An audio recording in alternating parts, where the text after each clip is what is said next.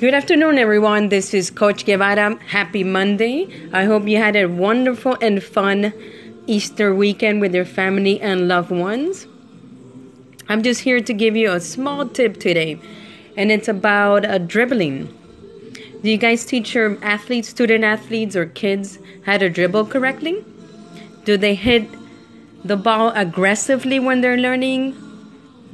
Or you teach them how to how to dribble the ball correctly using a, a keyboard or piano technique, which is when you're learning how to play piano or keyboard, you use all five fingers, right? Well, actually 10 because you're going to use both hands.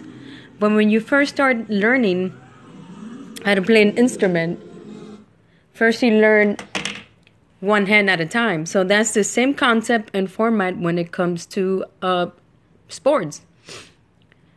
So you do you tell your kids to hit it with your with their palm or you tell them to dribble it on the tips or their fingertips.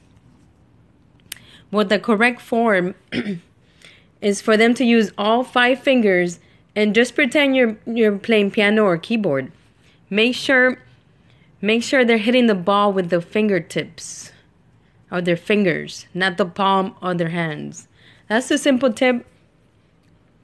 Just wanted to give you guys and I wish you guys a happy Monday. I hope you you're doing everything you can when it comes to your goals, your dreams, or just a regular day, just having a, a good day by yourself or with your partner, your friends, or family.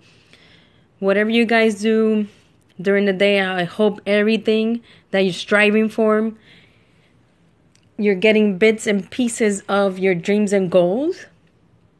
So, the tip of the day, once again, is the correct format how to dribble the ball.